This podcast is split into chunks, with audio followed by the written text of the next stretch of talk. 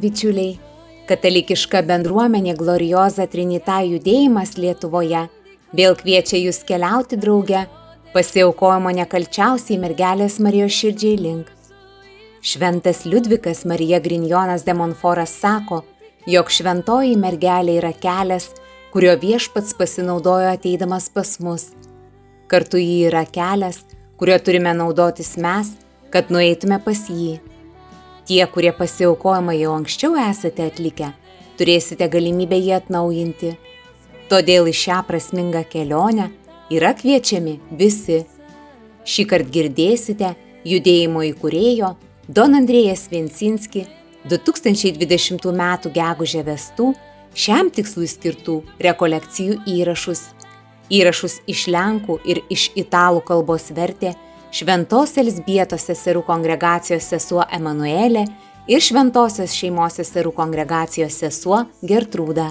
Įrašus lietuviškai įgarsino bendruomenės Glorioza Trinita judėjimas Lietuvoje nariai. Kviečiame leistis į šią dvasinę kelionę visiems kartu ir paruošti savo širdis.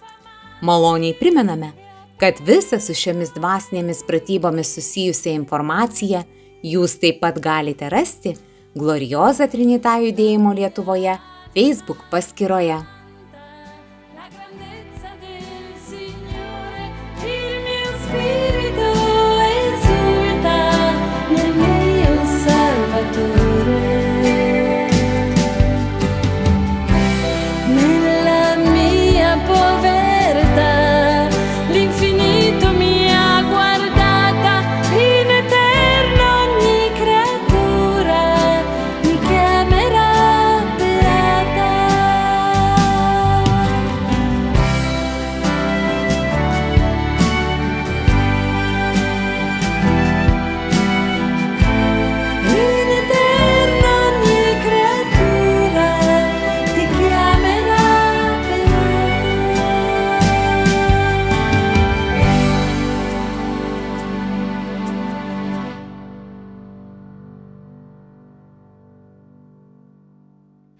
Nome del Padre, del Figlio, dello Spirito Vardan. Dievo, Tėvo ir Sūnaus ir Šventosios Dvasios.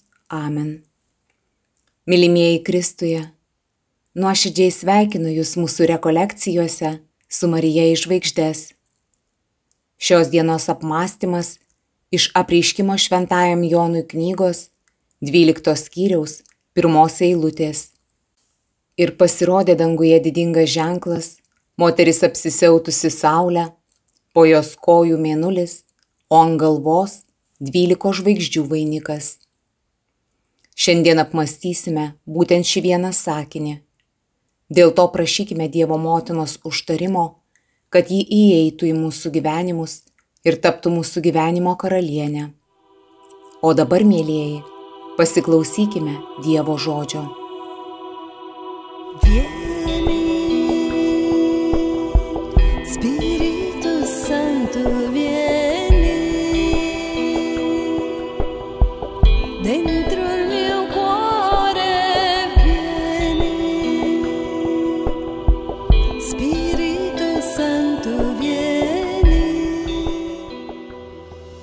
Iš apreiškimo šventajam Jonui 12 skyriaus.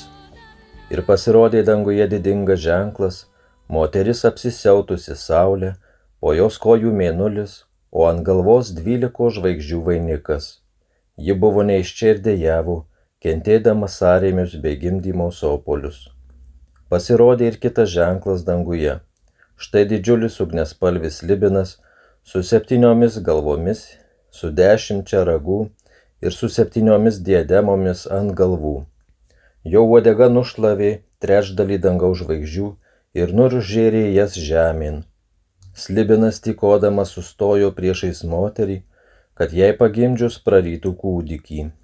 Ir ji pagimdė sūnų, berniuką, kuriam skirta ganyti visas tautas geležinė lasda. Kūdikis buvo paimtas pas Dievą prie jo sostų, o moteris pabėgo į dykumą, kur buvo jai Dievo paruošta būstinė, kad tenai ji būtų maitinama 1260 dienų. Ir užvirė danguje kova. Mykolas ir jo angelai kovojo su slibinu. Ir kovėsi slibinas ir jo angelai, bet jie pralaimėjo ir nebeliko jiems vietos danguje. Taip buvo išmestas didysis slibinas, senoji gyvatė, vadinamas velniu ir šėtonu, kuris suvedžiodavo visą pasaulį. Jis buvo išmestas žemyn ir kartu su juo buvo išmesti jo angelai. Aš girdėjau danguje galingą balsą sakantį, dabar atėjo mūsų Dievo išganimas, galybė, karalystė ir jo mesijo valdžia, nes išmestas mūsų brolių kaltintojas, skundės juos mūsų Dievui dieną ir naktį. Bet žemė pagelbėjo moteriai, žemė tvėrė savo žiotis ir sugėrė upę, kurią slibinas buvo paliejęs iš savo nasrų. Ir įnirto slibinas prieš moterį ir metėsi kauti su kitais jos palikuonėmis, kurie laikosi Dievo įsakymų ir saugo Jėzaus liudijimą. O aš stovėjau ant jūros kranto.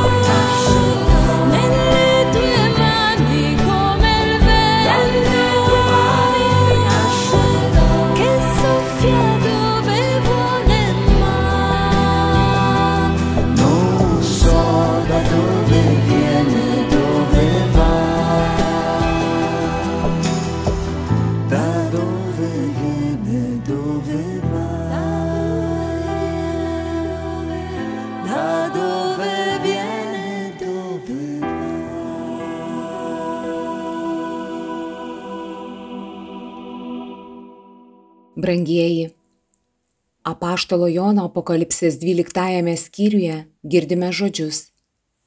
Danguje pasirodė didis ženklas. Moteris apsisiautusi saulę, po jos kojų mėnulis, o ant galvos dvyliko žvaigždžių vainikas. Ji buvo neščia ir dėjavo, kentėdama sąrėmius bei gimdymo sopulius. Prieš komentuodami šį gražų Švento Jono apokalipsės tekstą, pradėkime nuo kelių kito Evangelijos teksto komentarų. Izraelio žmonės buvo maži ir visada bandė išsiaiškinti, su kuo jungtis - su Egiptu, Mesopotamija ar Sirija. Jie ieškojo sąjungininkų, su kuriais būtų galima gintis. Netgi žmogus yra šiek tiek panašus. Dėl savo mažumo, savo trapumo, jis bando susijungti su kuo nors stipresniu. Taigi izraelitai, turėję paruošti vietą mesijo atvykimui į šią mažą šalį, nepastebėjo jo ateimo. Iš tiesų, Evangelija mums sako, kad jie jo nepažino būtent todėl, kad susijungė su labai stipriamis šalimis. Ir šį alijansą laimėjo jėga galvodami apie labai stipraus mesijo ateimą. Todėl jie jo nepažino. Būkite atsargus, nes Dievas mus aplanko ir mes, kaip sakė šventasis Augustinas, rizikuojame net pažinti Dievo, nes jam praeinant pro mūsų mažumą ir trapumą, mes stengiamės susijungti su kuo nors galingesniu.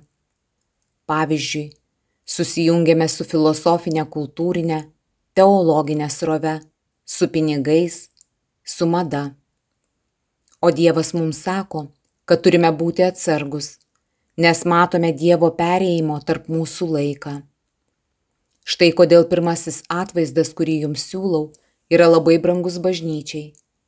Tai Madonos Alma Mater atvaizdas, kuris reiškia paslėptą ir nuolankę moterį, kuri netraukia dėmesio, todėl yra priešinga pseudomesianizmui, ar greičiau savimesianizmui, apie kurį vakar kalbėjome.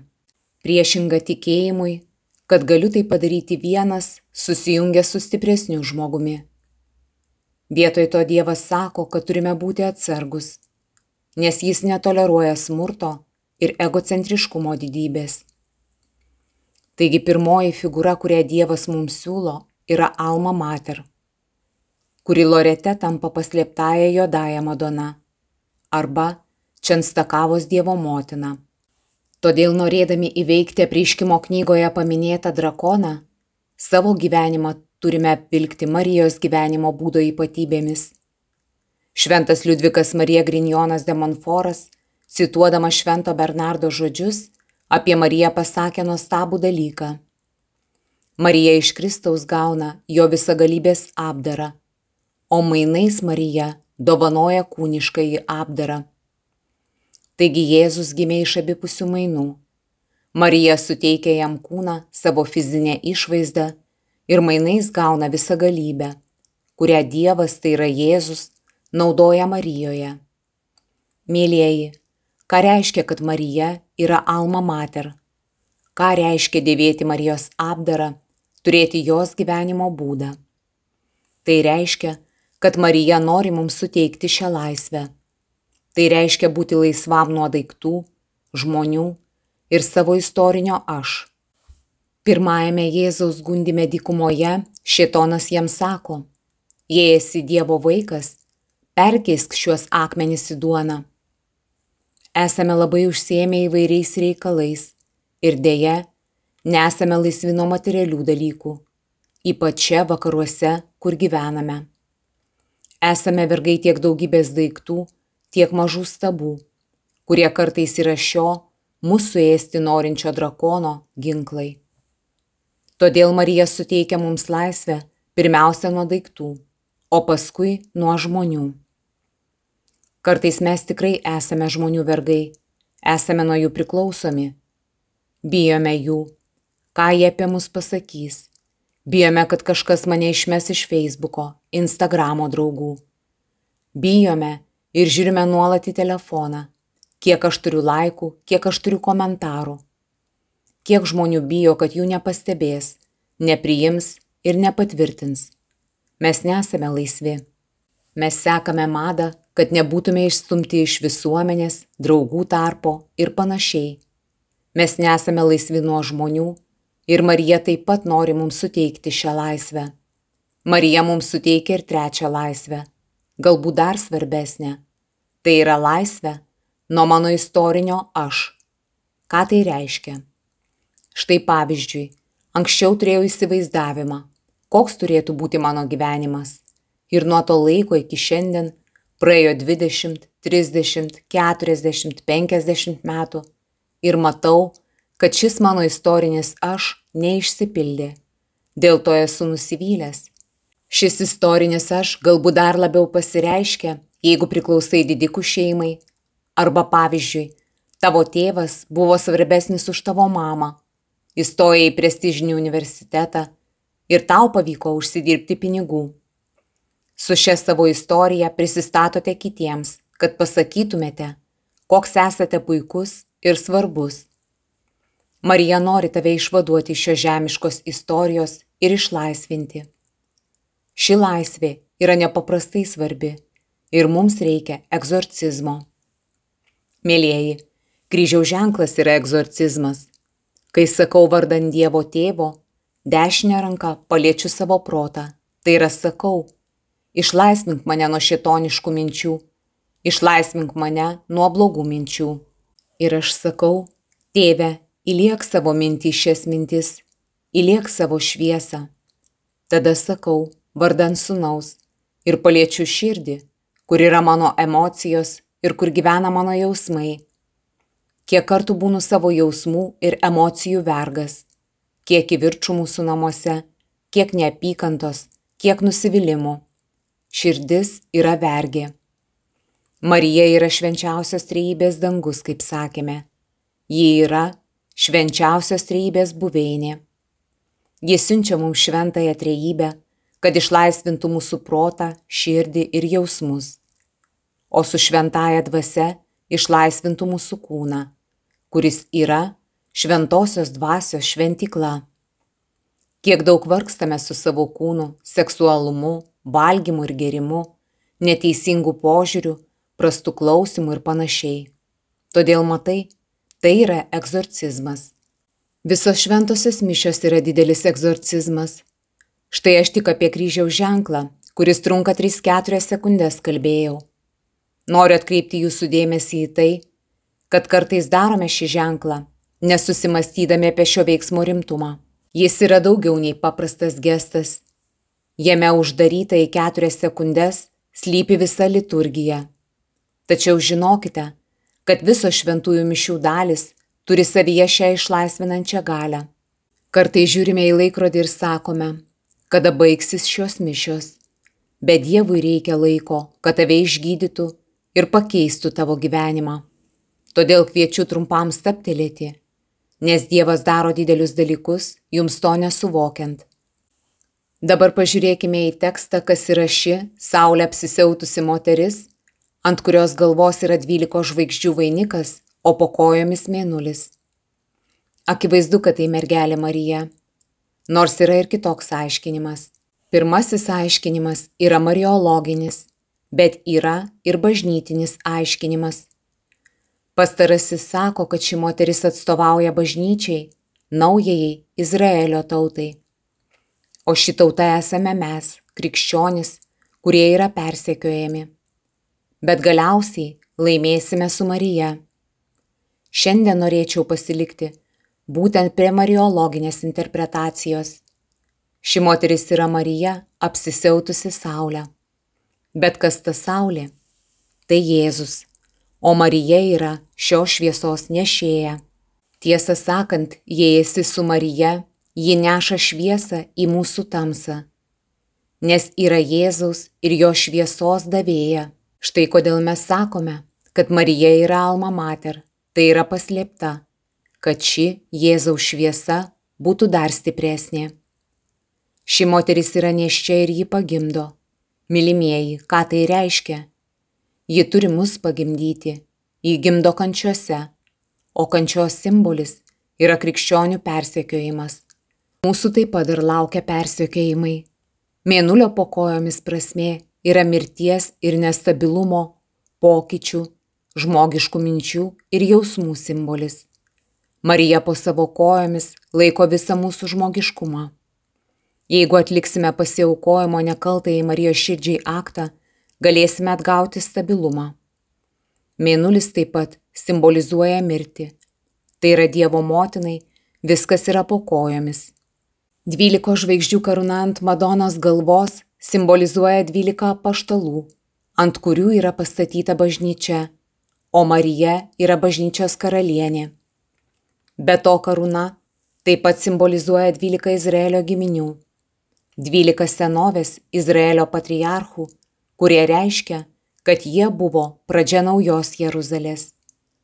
Ta naujoji Jeruzalė tai naujoji bažnyčia. Iš tiesų mes kylame ne iš savęs, o iš išgyventos istorijos.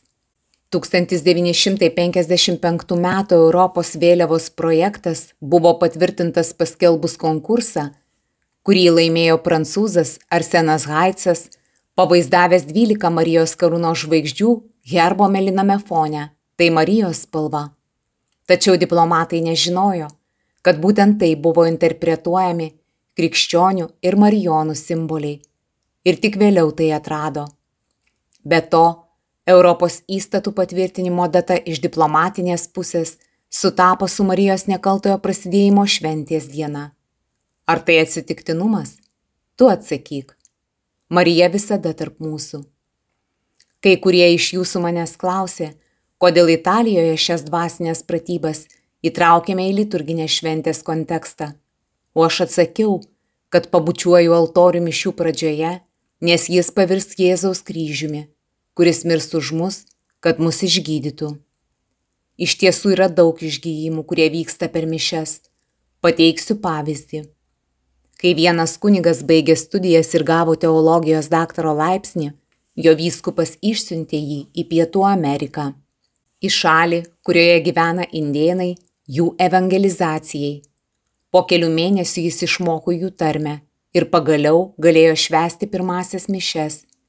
Be kita ko, jis taip pat šiek tiek jaudinosi, nes nežinojo, ar mokės gerai kalbėti jų kalba. Bet prieš pradėdamas stebėjo sėdinčius vaikus, kurie buvo prakaituoti ir purvini. Tuo pat metu motinos nešė ir dėjo savo sergančius vaikus po altoriumi. Mišioms pasibaigus, motinos grįžo savo vaikų pasiimti, kurie tuo tarpu visi buvo išgydyti. Tuo metu kunigas paklausė, kas atsitiko, o mama visiškai natūraliai atsakė, kad Jėzus praėjo ir kad per mišes jis mirė ir prisikėlė už visus, ir kad po kiekvienų mišių pasveiksta visi motinų atvesti sergantis vaikai. Moteris nustebo kunigo netikėjimu ir klausinėjo jo, kad suprastų jo suglumimo priežastis. Kunigas grįžo į Zakristiją ir pradėjo verkti. Nepaisant studijų, dar nesuprato, kad reikia didelio tikėjimo. Alma mater ir dvasinė kūdikystė. Taigi, jei per mišes nebūna išgydymų ir išlaisvinimų, tai tik todėl, kad nepakankamai tikima ir nėra tikėjimo. Mes žiūrime į laikrodį, nes ignoruojame, kad Jėzus greitai mirsančio altoriaus Štai tokį Dievą mums atveda Marija, kuri yra paprasta moteris, bet nepaprastoji. Sekime paskui ją, nes šitonas gali daugą, bet jis negali būti nuolankus kaip Marija. Todėl, kai Dievo motinoje jūs tampate nuolankus ir trapus, šitonas nieko negali padaryti jums, net jūsų šeimai. Taigi išsivaduokime nuo šio istorinio savęs, kuris sako žinau, galiu, padarysiu, bet nieko nepadarysi. Mylimieji, mums reikia būti tikrais krikščionimis, tais, kurie myli. Pilnais nuolankumo, širdies nuolankumo, pilnais maldos. Labai kviečiu jūs melstis, mylėti Mariją.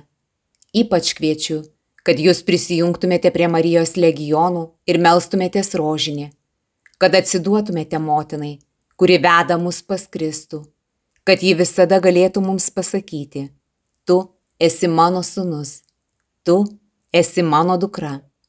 Dievo motina nori mums įduoti dvasinius sparnus, kad mes pakiltume lik dangaus, su ja pasiektume žvaigždės. Katechezę baigiame tėvo Don Andrėja palaiminimu. Il Signore sia con voi. Vi benedica Dio Onnipotente, Padre e Figlio e Spirito Santo. Andiamo in pace.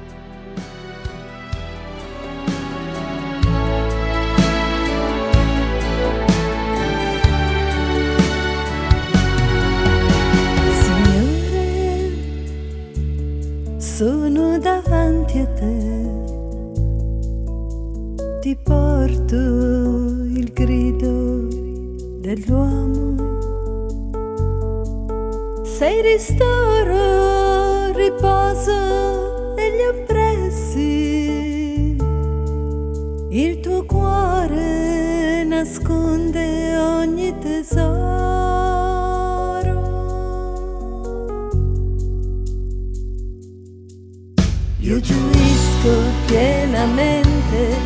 della tua presenza in me, Gesù. Sei oltre ogni desiderio, battito d'amore dentro me. L'universo ed il creato sono segno della tua bontà. Mari, fiumi, ghiacci nevi, unitevi in un inno di. Gioia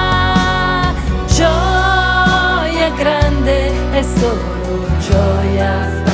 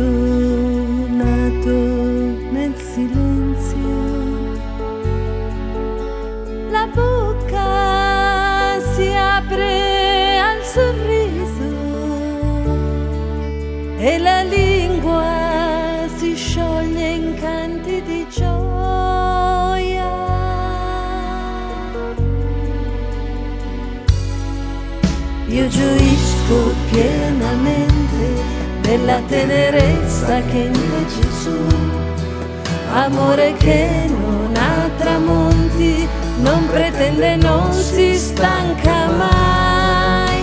L'universo, ogni creatura, sono segno della tua bontà. Popoli tutti della terra, unitevi in un inno di gioia. Gioia grande è solo gioia star con te. Schiere d'angeli, danzate insieme a me. Brilla il cielo ed illumina il tuo trono.